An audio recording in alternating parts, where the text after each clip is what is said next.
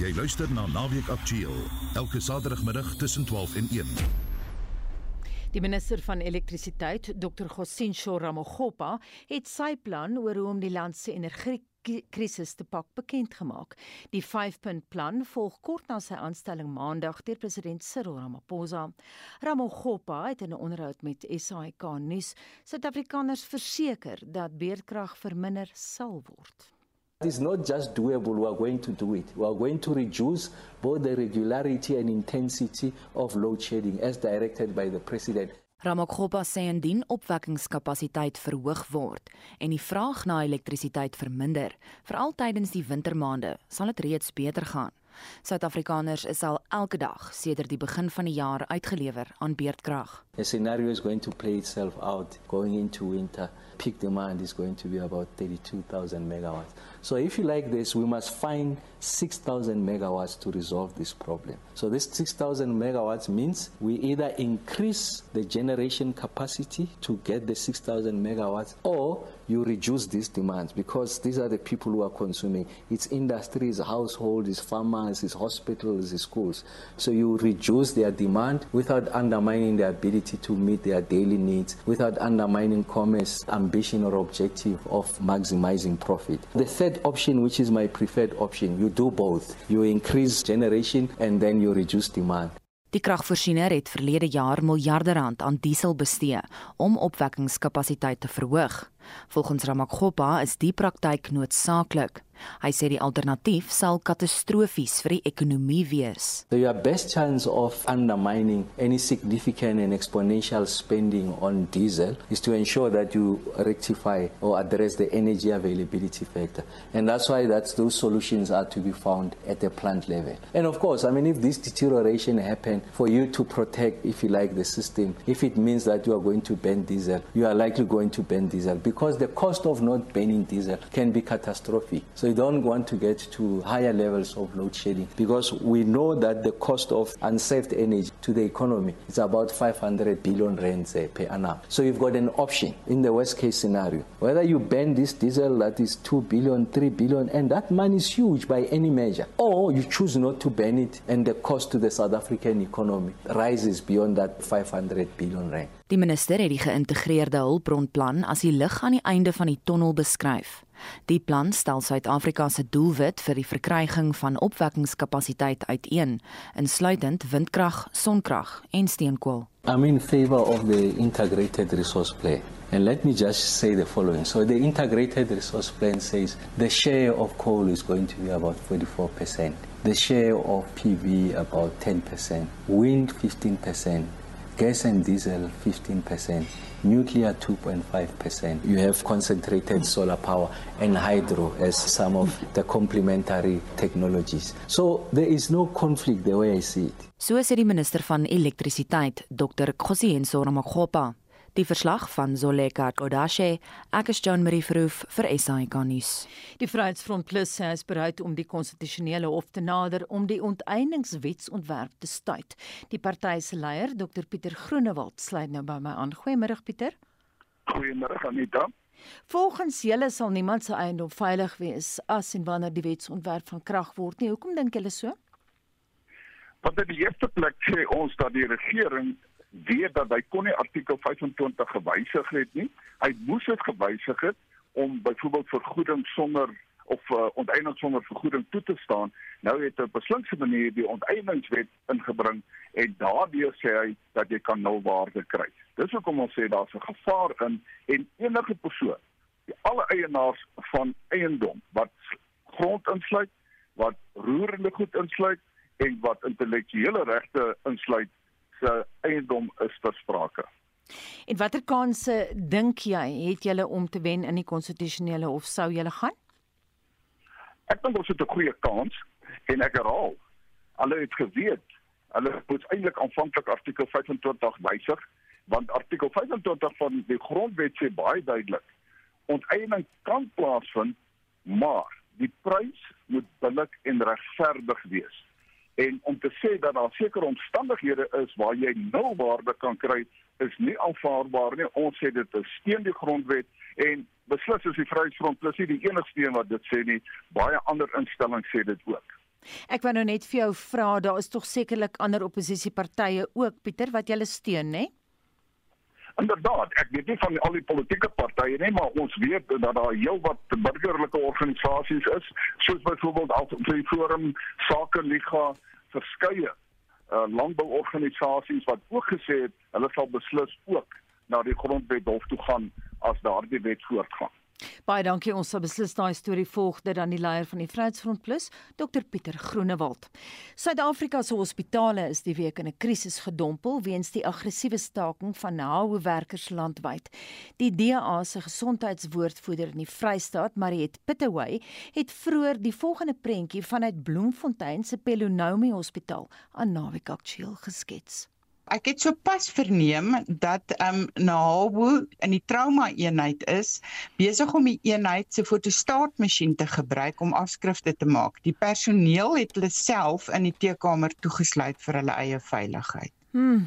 En in Hebreë, wat het jy nog hierdie week by Pelenomi beleef? Ek weet jy was by Pelenomi Universitas en waar nog? By die Nasionale Hospitaal in Bloemfontein. By Pelenomi is dit regtig beroerd. Die sale is leeg net kritieke pasiënte het oorgebly. Siek pasiënte wat behandeling nodig en mediese sorg nodig het, is huis toe gestuur om die druk van die personeel wat as ek sê nou personeel daar is nie personeel nie. Ons delegasie het met verskeie dokters gepraat, as ook die eetkundiges en arbeidsterapeute wat absoluut hulle moue oprol en al die take verrig. En as ek sê take verrig, ek het gesien hoe 'n dokter vloere was, ek het gesien hoe die eetkundiges kos maak en die arbeidsterapeute die kos uitdeel, ek het gesien hoe pasiënte gewas word deur die dokters, die arbeidsterapeute. Daar was absoluut geen personeel aan diens wat ons kon sien nie. Wat ons wel weet is van die personeel wat nie aan hierdie um, staking deelneem nie, is daar in gewone klere om nie raak gesien te word nie. Ons het toegang probeer kry en met reg is ons toegang geweier na die kindersaal toe. Daar wil ek net sê die matrone by die kindersaal was wonderlik geweest. Sy het ons beloof alles is onder beheer en ek verstaan hoekom ons toegang geweier is vir die veiligheid van die kinders. Sy het die kinders almal in een saal gesit en hulle ouers mag by hulle wees want die ouers help om hulle te versorg. Terwyl ons daar was, het daar kos aangekom, skenkings wat aangekom het. So aan die mense wat wel daar is en sorg dat die basiese nodige dienste nog gelewer word, wil ons net sê baie baie dankie. Maar dit is angswekkend hoeveel mense huis toe gestuur word en mense wat buite sit wat huis toe gestuur is wat ons in die gange gekry het wat nie vervoerkoste het om na hulle huise toe te gaan nie. Hulle is net absoluut gesê hulle is nou ontslaan. Mense wat wag op ortopediese operasies, mense wat dodelik siek is. In by Universitas Hospitaal het ons gesels met 'n dame wat 'n dringende galblaasoperasie moet kry. Duidelik het sy geelsig en sy's gesê 'n bejaarde dame.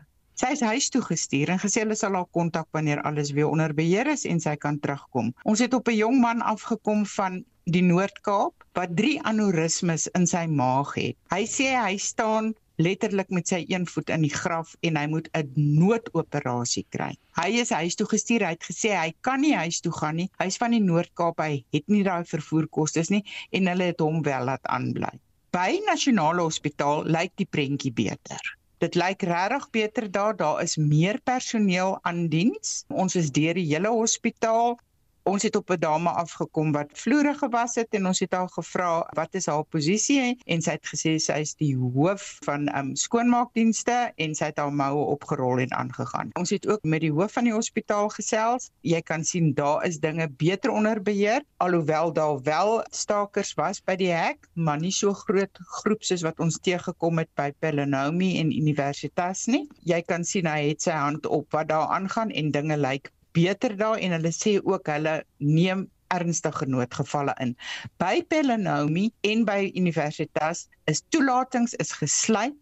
Alles is gesluit. Geen pasiënte word opgeneem nie. By Nasionale Hospitaal het ons wel gesien um, ongevalle werk en ambulanse kom aan en hulle neem, ek wil sê die oorvloei van Pelenomi af, kan hulle opneem maar jy kan verstaan dit gaan net tot op 'n punt wees, dan gaan dit nie meer moontlik wees nie. Maar iets sê vir my jy was nou die heel week by al hierdie hospitale. Wat het hierdie lede van Nahau vir jou gesê die mense wat nou nie deelgeneem het aan die staking en welkom werk het? Het hulle met julle gepraat of was hulle versigtig om iets te sê? Nee, hulle was redelik aanvallend geweest. Wou weet wat sou kon staan en toe vir ons gedreig en gesê as hulle enigstens sien ons neem fotos, gaan hulle ons selfone vat en breek. So hulle was nie toeganklik nie. Ons kon nie met hulle praat nie. Ons het probeer, maar dit was nie moontlik geweest nie. Dit dan die DA se gesondheidswoordvoerder in die Vrystaat Mariet Pittaway wat ons vanoggend laat weet dat daar vandag 9 pasiënte in die trauma eenheid van die Pelonomi Hospitaal is en van die pasiënte het oop frakture en daar is een met 'n spinaalkoordbesering. Geen susters is aanwesig nie en die dokters moet behoorlik bond staan om die pasiënte in trauma en ongevalle te probeer help. Verder kla die DA se gesondheidswoordvoerder in die Vrystaat Vrystaat dat die owerheid in die provinsie absoluut geen riglyne in die verband aan die Pelonomi Hospitaal gee nie. Die belangrikheid van ouers se betrokkeheid by hulle kinders se skole kan nie genoeg onderstreep word nie, so sê verskeie rolspelers oor die put toilet sage na die dood van 'n 4-jarige leerling in die Oos-Kaap. Haar lijk is Woensdag uit 'n put toilet in Glengray in die Oos-Kaap gehaal, skaars 'n week nadat die regering se spertyd om basiese put toilette te vervang verstryk het. Marlenae Forsie het die storie. Amnesty International in Suid-Afrika se woordvoerder Menke Steytler sê die tyd van mooi praat is verby. Dit was tot die dag 'n week na die departement van basiese onderwys 'n sperdatum wat hulle self ingestel het, gemis het op toilette. Verlede jaar het minister Motshekga gesê in die parlement dat hulle gaan ontslaa raak van alle basiese pit toilette. So dis die toilette wat nou regtig sleg is. Dis die toilette wat geen ventilasie het nie wat net basiese gat in die grond is. Natuurlik is dit 'n groot werk maar en baie van hierdie skole is geleë in areas waar daar nou nie noodwendig pype en ding, sulke dinge is soos wat mens sien in stede nie, maar daar is ander toilette, EnviroLose wat baie veiliger en beter is. Sy sê Amnesty Internasionaal het al male sonder taal briewe aan die minister en haar departement gestuur vir vorderingsverslae, maar het nou toe geen terugvoer ontvang nie en hulle soek antwoorde. Daar is regulasies in verband met infrastruktuur by publieke skole in Suid-Afrika. Die regulasies is 10 jaar gelede wet gemaak en die regulasies het gesê dat teen 2016 sal hulle al die toilette geïdentifiseer het en teen 2020 ontslaag geraak het daarvan. Wat het geword van dit? Verlede jaar toe wil hulle enige teken van sperdatums uit die wetgewing uithaal en Amnesty Internasionaal het 'n voorlegging gemaak wat gesê het nee, want wat dan? Gaan dit hulle 10 jaar vat? Gaan dit hulle 30 jaar vat? Die uitvoerende hoof van die Federasie vir Skole Beheerliggame, Jackie Deeken, het as volg gereageer. Hierdie tragedie kon verhoed gewees het. Elke skool het 'n verantwoordelikheid om seker te maak dis 'n veilige omgewing en dis primêr die verantwoordelikheid van daardie skool se beheerliggaam sowel as daardie skool se bestuurspan. So 'n blote visuele inspeksie om te kyk waar is die risikoareas en wat kan ons daaromtrent doen? Ek dink dis hoekom ek so gefrustreerd is. As skole weet daar is gevaarlike plekke en hulle doen niks daaraan nie, is daai leierskap net so aandadig soos die departement wat nie geld gegee het nie. Nou wat openbare skole betref, sê hy die verantwoordelikheid kom neer op die skoolbestuur en die gemeenskap self. Doen eerstens 'n behoorlike inspeksie van die terrein, kry die terrein skoon, doen die basiese instandhoudingswerk en daar waar daar 'n groot behoefte is, behoort daardie skoolhoof en beheerliggaam dit onder die departement se aandag te bring. En dan moet skoolgemeenskappe aktivisties raak. As die departement nie daarop daag nie, kry die plaaslike raadslid betrokke. Laai jou ouers in busse en taksies en gaan na die distrikskantoor toe en as ek 'n ouer is gaan beklei ek vir my kind se reg om 'n behoorlike toilet en water te hê. Gemeenskappe moet nie net terugsit en wag laat goed gebeur nie. Ons moet dit laat gebeur. Hy sê boonop die impak van betrokke ouers, veral in Afrikaans sprekende skole, maak 'n groot verskil. Die oomblik wat ons eienaarskap vat van 'n skool, dan is dit ons almal se skool. Dit word nie die staat se probleem nie. Ek dink dis die uitdaging in baie gemeenskappe. Is daar's nog 'n afstand. Dit word nog gesien as die staat moet alles kon doen. Daarom pas ons in baie gemeenskappe die skole nie op nie of is daar 'n betogings in gemeenskappe is dat ons eintlik 'n skool gaan teiken om iemand se aandag te kry. Ek meen dit is absoluut onaanvaarbaar.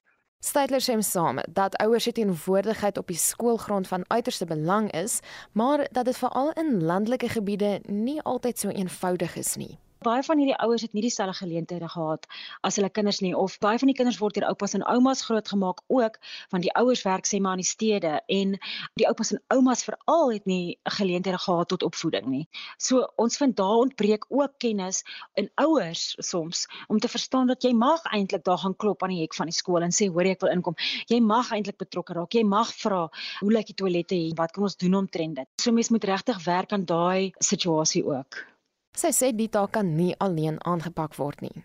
Equal Education, SERI, Section 27 het almal al baie intens vir jare lank hier aan gewerk. Dit is 'n beweging. So mense kan deel word as mense regtig passievol hieroor. Moet hulle ons kontak by Amnesty International South Africa of Amnesty International South Africa en dan deel word van ons aksies wat ons gaan neem om regtig hierdie ding tot 'n einde te bring. Die onderwerp is een waaroor Equal Education volgens Elizabeth Biney al lank geraas maak. We find ourselves here every now and then. We get promises from government. Sometimes the president even intervenes by setting aside funds. And we are still facing this issue. Pit toilets were supposed to be a thing of the past. Sy sê, hoewel daar fondse is, ontbreek die politieke wil And it becomes even more disheartening because we are also getting instances where they are saying there's no money to give schools proper uh, sanitation infrastructure. As daar groot infrastruktuur uitdagings is soos modderstrukture of pittoilette, dan is daar fondse wat daarvoor aangewend moet word. Een van ons frustrasies is dat baie van die provinsiale departemente nie hulle infrastruktuurbegroting ten volle spandeer nie en dan moet hierdie geld aan die einde van die finansiële jaar teruggestuur word na die nasionale departement toe. Paar jaar terug in die Noord-Kaap, ek dink amper 45 miljoen daardie tyd moes hulle terugstuur wat nie spandeer is nie en tog het hulle 3 jaar plan gehad om ontslae te raak van pittoilette en ek onthou die DG self was ontstel daaroor geweest. Maar dit help nie DG is ontstel nie, hulle moet optree teen daai provinsies. Die minister is primêr verantwoordelik om toe te sien dat die LER hierdie geld spandeer in die provinsies en sy het ook nie haar werk gedoen nie. Wat gemeenskapsbetrokkenheid betref, sê dit is belangrik om uit te praat en vir hulp te vra.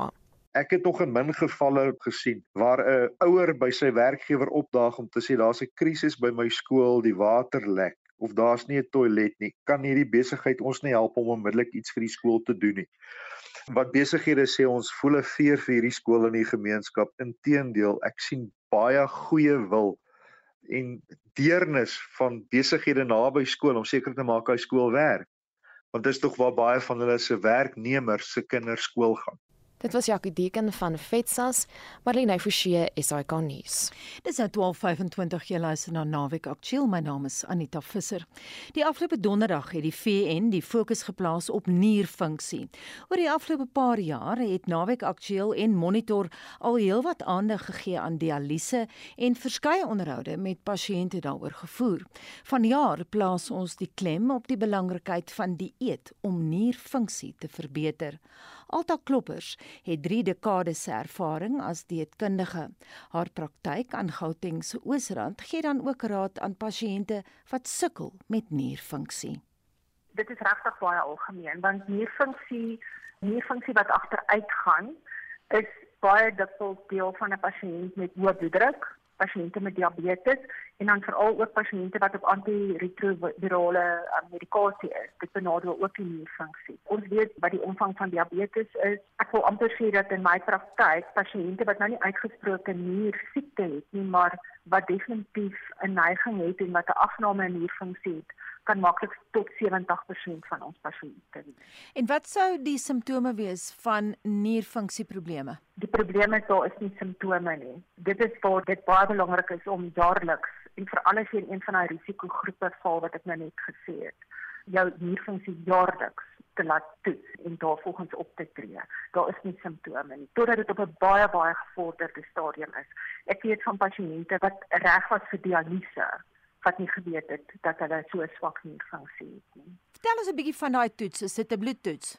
Ja, so dit is 'n bloedtoets wat gedoen word. Ons noem dit ehm um, dit is in Engels die GFR. Ons praat in Afrikaans van die glomerulêre filtrasie tempo. Dit meet letterlik die vermoë van jou niere om jou bloed te filtreer. Dis 'n bloedtoets wat gedoen word en die telling van daai toets, die spesifieke tempo van filtrasie, dit tel uit 100. So 100 is 'n perfekte nierfunksie en min van ons het 'n perfekte nierfunksie. So soos wat mens ouer word, neem daai nierfunksie af. Dan kom daai telling nader aan 60. So die oomblik wat daai telling onder 60 begin raak, moet jy drasties plan maak en lewenstyl aanpassings aanbring. Wat is soort lewenstyl aanpassings? Wat veroorsaak niere wat nie funksioneer nie? Is dit te veel sout? Ja, dit is 'n kombinasie van dinge. Primêr fisiologies dan kan hipertensie, hoë bloeddruk beskadig jou niere, sekere medikasies beskadig jou niere en vir al pasiënte wat diabetes is, daar's 'n groot risiko vir niere as hulle suiker ongekontroleerd is. So hierdie pasiënte spesifiek is dan dit veroorsaak dan die nierskade. Maar as ons nou praat van lewenstyl aanpassings, waar wat moet ons verander? So ons hmm. westerse dieet is ongelukkig heeltemal te hoog in proteïene heeltemal te hoog in sout, preserveermiddels. Die groot ding as ons na ons niere begin kyk, is om te kyk na die suurlading op die niere. En daai suurlading, ons moet altyd onthou dat proteïene vorm suur. So proteïene is opgebou uit aminosure wat suur is. So as jy weet oorwegend uit proteïene bestaan, dan het jy 'n geweldige suurlading wat jy forceer op jou niere, wat dan jou niere verder beskadig en jou niere verder ongelooflik hard laat werk. So ons moet gaan kyk na die hoeveelheid proteïene wat in die westerse dieet heeltemal te veel is en ook na die tipe proteïen. En wat is uh, aan te beveel? Hoeveel proteïen moet mens eet per dag? So teoreties um, werk ons tussen 0,6 gram per kilogram tot 0,8 gram per kilogram. Dit is baie tegnies. Ons moet dit goed prakties maak, die riglyne prakties maak. In effek waarop dit neerkom is dat jou hoofete van die dag met jou proteïnporsie nie groter wees as die palm van jou hand en so dit vir jou klein vingertjie nie. So dit is 'n basiese proteïen is 'n vleisporsie op jou bord. En dan deur die dag kleiner hoeveelhede, miskien 'n bietjie kaas op jou brood of 'n eiertjie wat ook baie goeie proteïen is. En dan moet ons gaan kyk na die tipe proteïen. So definitief rooi vleis het 'n baie hoër suurlading op die niere as hoender en vis. So oorwegend hoender en vis deur die week en dan miskien een of twee keer maksimum 'n beperkte porsie rooi vleis. Ongelukkig en dan moet daai bord gebalanseer word met groente en vrugte en 'n volgraan styfselproduk. Altyd jy het nou gesê eiers bevat goeie proteïene. Wat bedoel jy daarmee? So eiers op 'n ander noot is 'n baie baie ekonomiese, goeie kwaliteit proteïen wat al die aminosure verskaf en ook die lading op die niere. Is dit is vir ons pasiënte met niersiekte baie goeie kwaliteit proteïen omdat die lading op die niere nie so hoog is as wat dit byvoorbeeld met 'n ekwivalente proteïen porsie van rooi vleis byvoorbeeld gaan wees. Sou jy pasiënte sien vir wie dit geen nut sou hê om 'n dieet aan te pas nie? Hulle sal te ver gevorder ek dink nooit is te laat mens wat ons aanbeveel is dat pasiënte met 'n nierfunksie van onder 60 van glomerulêre filtrasie tempo mm -hmm. onder 60 definitief dan hierdie aanpassings begin maak en daar's definitief onomwonde bewys dat dit dan die verdere verswakking van die nierfunksie kan voorkom. Wanneer dit te laat so fase 3 of stadium 3 nier um, siekte is 'n GFR of 'n glomerulêre filtrasie tempo tussen 60 en 30. So enige iets onder 30 begin regtig na fase 4 kyk en dit is letterlik op die voorstoep van dialyse. Wanneer is dit te laat as daai dokter vir jou sê ons moet jou nou begin dialiseer. So dis wanneer dit te laat is en daai tempo lê dan rondom daai lesing lê dan gewoonlik rondom 15 of laer. Jy het nou gesê leefstylveranderings kan suksesvol wees. Jy het twee keer in hierdie onderhoud die woorde gebruik leefstylveranderings. Hoe suksesvol kan jy dit vir ons kwantifiseer? Ek kan dit nie vir jou kwantifiseer nie, maar ek kan vir jou sê dat pasiënte is in die verlede, as ons praat van leefstylverandering en gedragsmodifikasie, is pasiënte wat met niersiekte gediagnoseer word oor die algemeen tradisioneel baie negatief. Want daar's ongelooflik baie klem gelê op jy mag nie op mm. op wat jy mag eet nie. Dit het heeltemal verander na wat ons mag eet en dit is 'n absolute gebalanseerde, gesonde dieet Jy sê nou mense fokus te veel op wat hulle nie mag eet nie. Wat is Mm. die goeie nuus? Wat is goed vir ons niere? Wat mag ons eet of moet ons veral eet?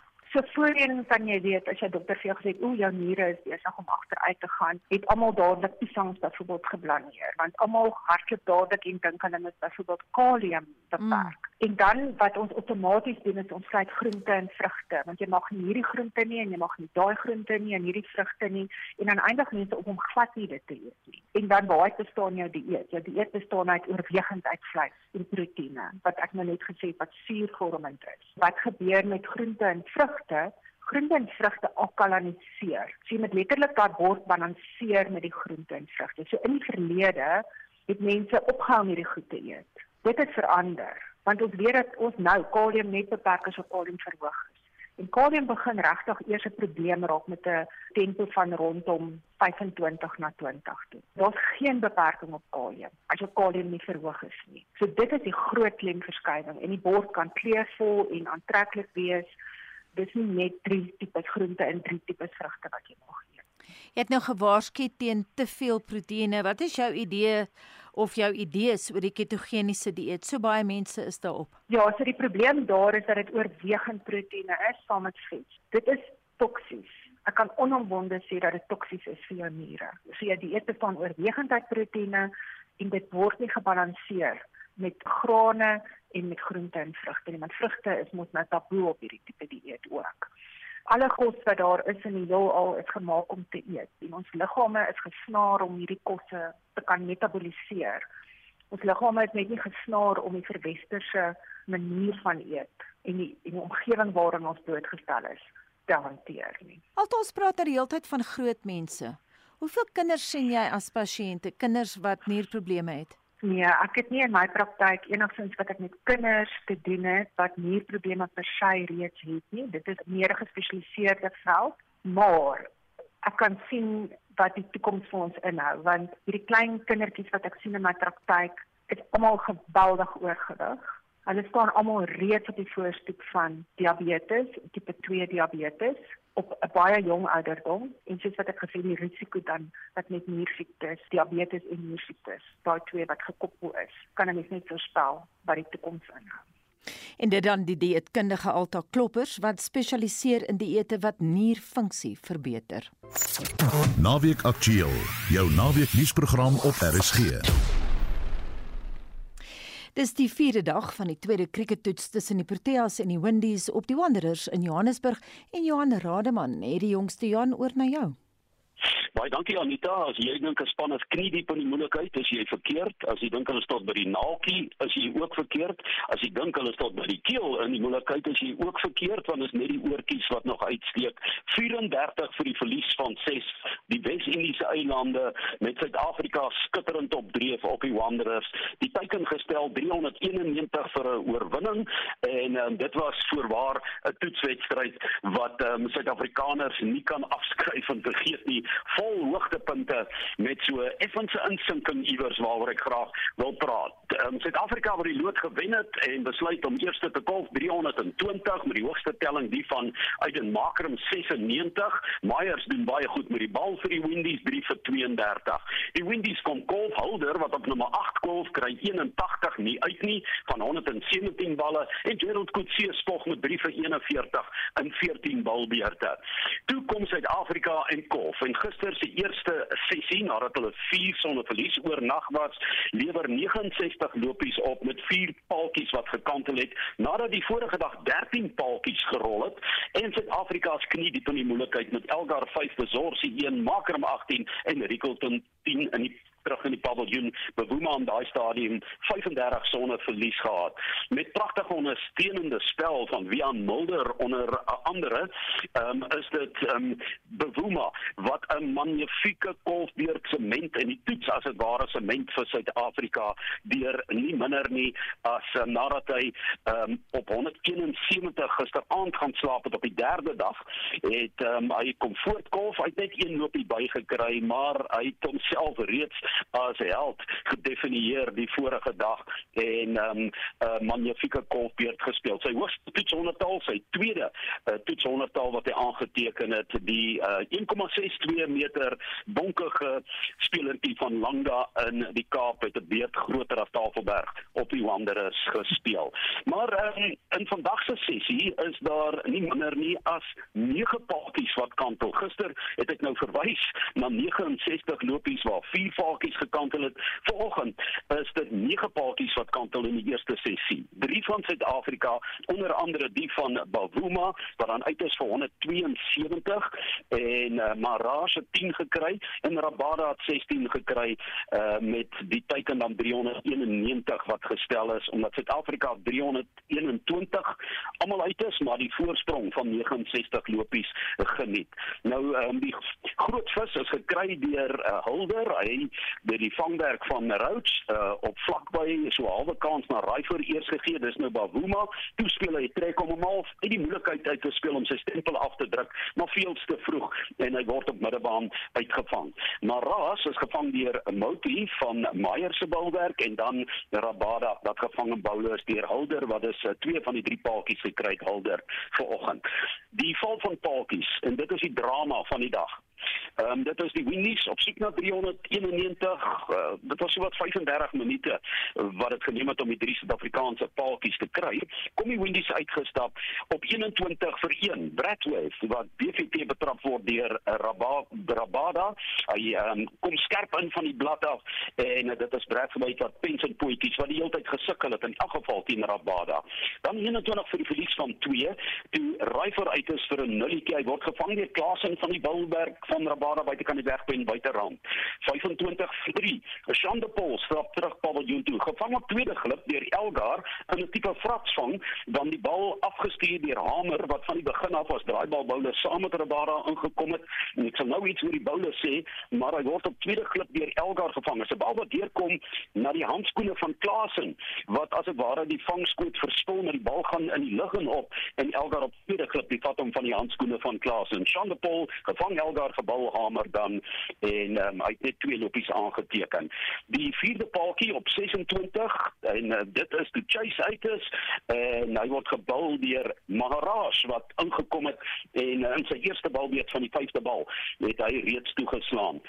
Dit word 26 vir 5. Blackwood uit vir vier lopies, gevang Bavuma op middebaan van die balwerk van Hamer, 'n losserige bal van Hamer en uh, dit is Blackwood wat sê ek gaan my stempel afdruk, maar wat kry hy stank verdank? Hy word in die middebaan uitgevang deur Bavuma met sy groot beerd ook nog waarmee hy spog en Hamer oes daardie paaltjie in. 34 vir 6. Myers uit vir sewe lopies, BVP betrap deur Maras, maar Ehm um, dit is op 34 vir 6, maar Raas wat duur betaal in uitbundige feesviering trek hy die blokke weg en hy skeer waarskynlik sy um, Achilles tendon of ligamente daar.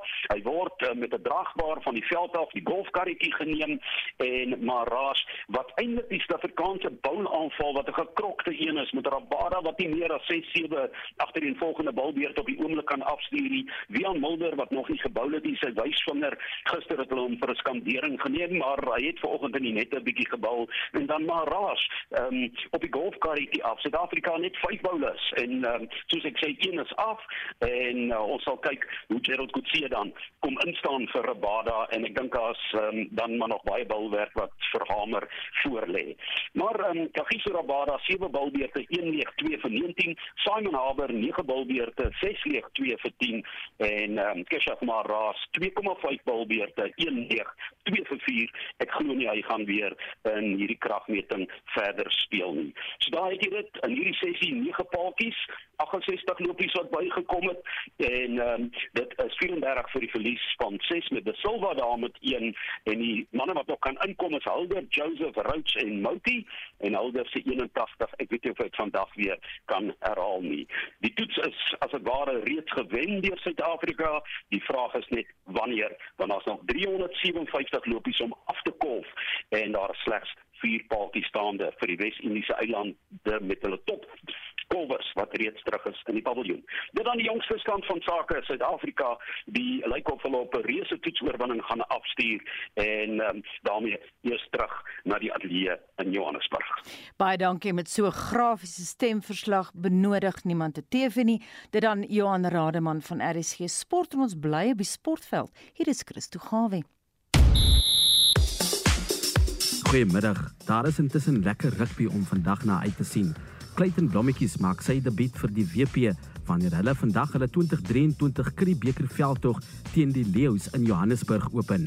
Daar is egter baie talent in die WP span wat getuig van die diepte wat John Dobson geskep het en dit kom nie meer ervare op hierdie vlak as die middelveld kombinasie van Johan de Jong en Jean-Luc Duplessis nie. Die kragmeting tussen die WP en die Leeu's skop om 04:30 vanmiddag af. Die Haie en die Griffins is reeds om 02:30 slaags met mekaar en môre middag om 1:00 is die Bulle teen die Pumas in aksie. Daar's ook ses nasies rugby om vandag na uit te sien kwart oor 4 vanmiddag kom Italië teen Wales te staan en Engeland en Frankryk spook sake uit teen mekaar om kwart voor 7 vanaand Suid-Afrikaanse tyd. En daar is sportverslag van Christo Gawie. Nou dis die finale ronde van die Suid-Afrikaanse Ope vir vroue by die Steenberg Golfklub in die moederstad en Lali Stander hou sake vir ons dop. Lali. Middag julle. Nou ja. Ek kan dit baie kort hou vir julle. Ashley Bohai is 23 houe beter as baansyfer. Daar is nie 'n manier dat enige iemand haar gaan vang tensy sy heeltemal uit die besit val nie want die naaste aan haar is Chiara Noya van Duitsland en Anna Palestrevino van Spanje op 16 houe onder baansyfer. Dit is 'n absolute fenominale vertoning van Bohai wat uh, die maagaandoening gekry het wat 'n hele paar van die spelers en uh, van uh, die staf en myself uh, weet gekry het. Hmm. En uh, sy moes gister met daai maagaandoening speel. Ek weet nie hoe vertaal mens gastro in Afrikaans nie, maar geval sy het ehm um, blykbaar van vanoggend het sy my gesê sy het steenkool hulle gedrink en dit het baie gehelp. So daar's goeie raad vir ons almal en natuurlik um, met haar man Dave op die sak wat haar regtig baie baie gehelp het. Hy het haar net aan die gang gehou en grappies gemaak tussen houe en. Ehm um, Noya het 'n kans gehad om vir Boai te vang gister. Ongelukkig het die 16-jarige so, so ek dink ehm um, dis net die ervaring wat wat Bohai het nie. Jy weet natuurlik sy's 'n major winner vir die Britse Ope gewen en sy het net geweet sy moet kalm bly. En die jongelinge het nou 'n paar brouhoue gemaak hier op die einde en 'n 69 aangeteken en uh, daarmee het uh, Bohai met haar 69 vanoggend afgeslaan met 'n 4 houe voorsprong wat sy nou reeds verdubbel het. Daar's 9 bytjies oor. Ek skiet tog ag bytjies oor om te speel. Hulle is nou net deur die deur die 10de. En uh, ek dink nie daar is enige kans dat enige iemand vir Ashley Bohai gaan stop om haar vierde Suid-Afrikaanse vroue op die titel te wen nie. Lali Stander.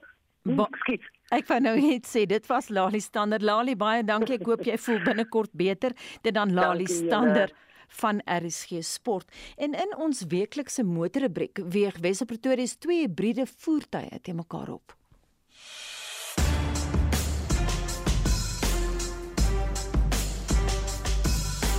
Alwel is 'n weggol sukses in Suid-Afrika. Die Chinese vervaardiger het sy aanslag verskerp en bied nou ook hibriede modelle in sy Julian en H6 reekse. My een punt van kritiek teen die twee H6se wat ek getoets het, was die hoë petrolverbruik. Op my gekombineerde roete het ek 9,3 liter per 100 km gemeet en 9,8 met die effens kragtiger GT model. So Is die hibriede H6 Ultra Luxury die antwoord? En hoe vaar hy teen die petrol-elektriese Toyota RAV4 GXR wat groot en prysgewys 'n direkte mededinger is? Toyota verkoop ongelukkig nie meer die goedkoper voorwielaangedrewe GX hibriede model nie. En die RAV4 reeks het ook lankal nie meer 'n handrat voorwielaangedrewe intreevlak model nie.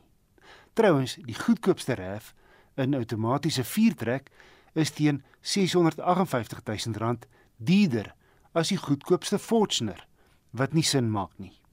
By navraag verduidelik Rian Esterhuizen Toyota Suid-Afrika se bemarkingsbestuurder dat hulle nie sou wou hê dat goedkoper refs die Corolla Cross se duurder modelle moet kannibaliseer nie. Met ander woorde, vreet aan die Corolla Cross se verkope nie. Laasgenoemde word plaaslik vervaardig, so Toyota wil soveel moontlik van die modelle verkoop teenoor die RAV wat ingevoer word. Maar terug na die stryd tussen die RAV en die Haval H6. Die hybride sportnutse onder die 700 000 kerf. Die RAV is binne baie netjies afgewerk met heelwat leer in die kajuit gestik met oranje gare. Die H6 se kajuit voel ook goed aan mekaar gesit, meer modern as die RAV met vol digitale instrumentasie. Die hybride H6 kom met die topafwerking in die reeks en doen sy ultra luxury benaming gestand met heelwat meer toerusting as die Toyota. Hier's 'n paar kenmerke wat jy nie in die RAV kry nie. Die H6 gee ook vir die voorste passasier elektriese verstelling vir die sitplekke. En jy kry 'n Tamai sondak wat oor feitelik die hele lengte van die dak strek en dan kan jou voorste gedeelte sien net maar die voorste 40% van die glasgedeelte kan oopskuif. En dan kan die bagasiebak se deur outomaties met die druk van 'n knop oopskuif. Spasie in die Haval is besonder goed vir jou voorste en agterste passasiers. Die bagasiebak is min of meer dieselfde grootte as die RAV se, maar waar die RAV 'n volgrootte alloy spaarwiel onder die onderste bakdeksel het, het die H6 net 'n stelletjie waarmee jy eh, die band tydelik kan seël en oppomp. Wat nie noodwendig gaan help wanneer 'n band sleg seer kry nie. Die Toyota trek met al vier wiele, die Haval net met die voorstes.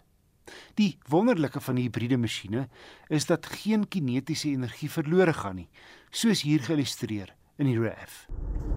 Sodra jy voet van die versneller lig, wys 'n meter op die paneelbord dat hy liggies aan die laai is, die battery.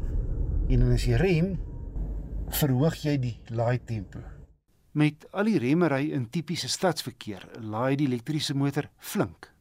Wat dit moontlik maak dat hibriede voertuie teen laaspoed nie van die petrolmasjien gebruik hoef te maak nie.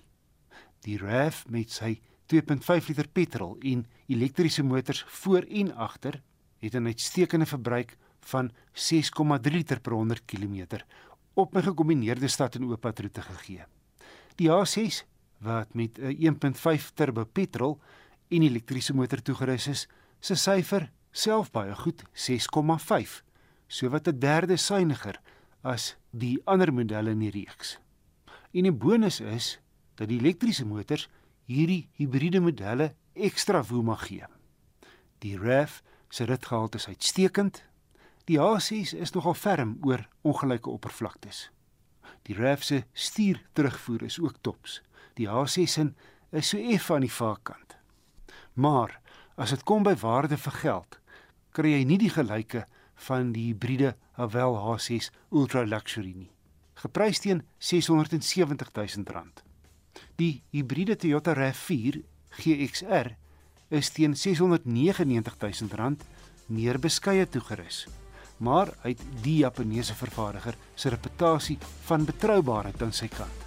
Nog nie gegeewe vir Chinese voertuie nie. Die wêreld se insekpopulasie is besig om jaarliks met 2% te daal.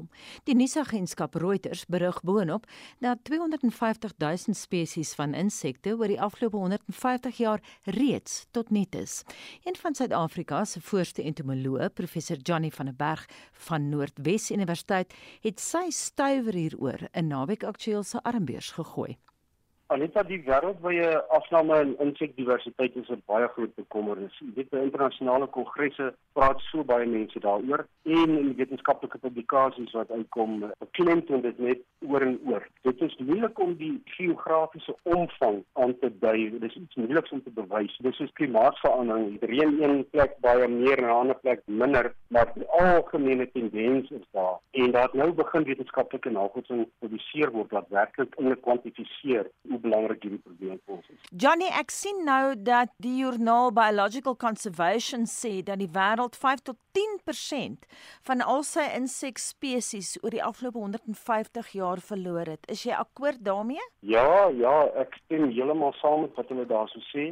Wêreldwyd wys die navorsing dat ongeveer 40% van die insekpopulasies, insekspesiespopulasies wêreldwyd is besig om af te neem. Dit is die insekgetalle wat minder word, maar 'n mens kan ook spesieuitsterwing kry. Dis twee verskillende dinge. Maar die afname in getalle is 'n baie belangrike ding want jy weet daai goed anker ekologie. Daai miljoene insektjies wat in die grasveld voorkom of in die woude of in waterliggame. Daai insekgetalle, daar's dalk miljoene muskietlarwes of vlieglarwes eerste. Hulle anker die ekologie van 'n spesifieke gemeenskap en dit is waar die kommer lê. Johnny, hoekom is die insekte besig om af te neem? O, dit is 'n verskriklike komplekse ding. Jy kan dit nie net aan een ding toeskryf. Daar's primêre bedreigings, maar habitatvernietiging is 'n baie belangrike een. Versteeniging, die omgewing word vernietig. Ons het groot vloede wat totale plantpopulasies uitwis en op die plante kom die insekte voor. En natuurlik dan ook indringerspesies van plante kan groot effekte hê. As ek dink aan ons ooskuste in Suid-Afrika, die ooskus, daar waar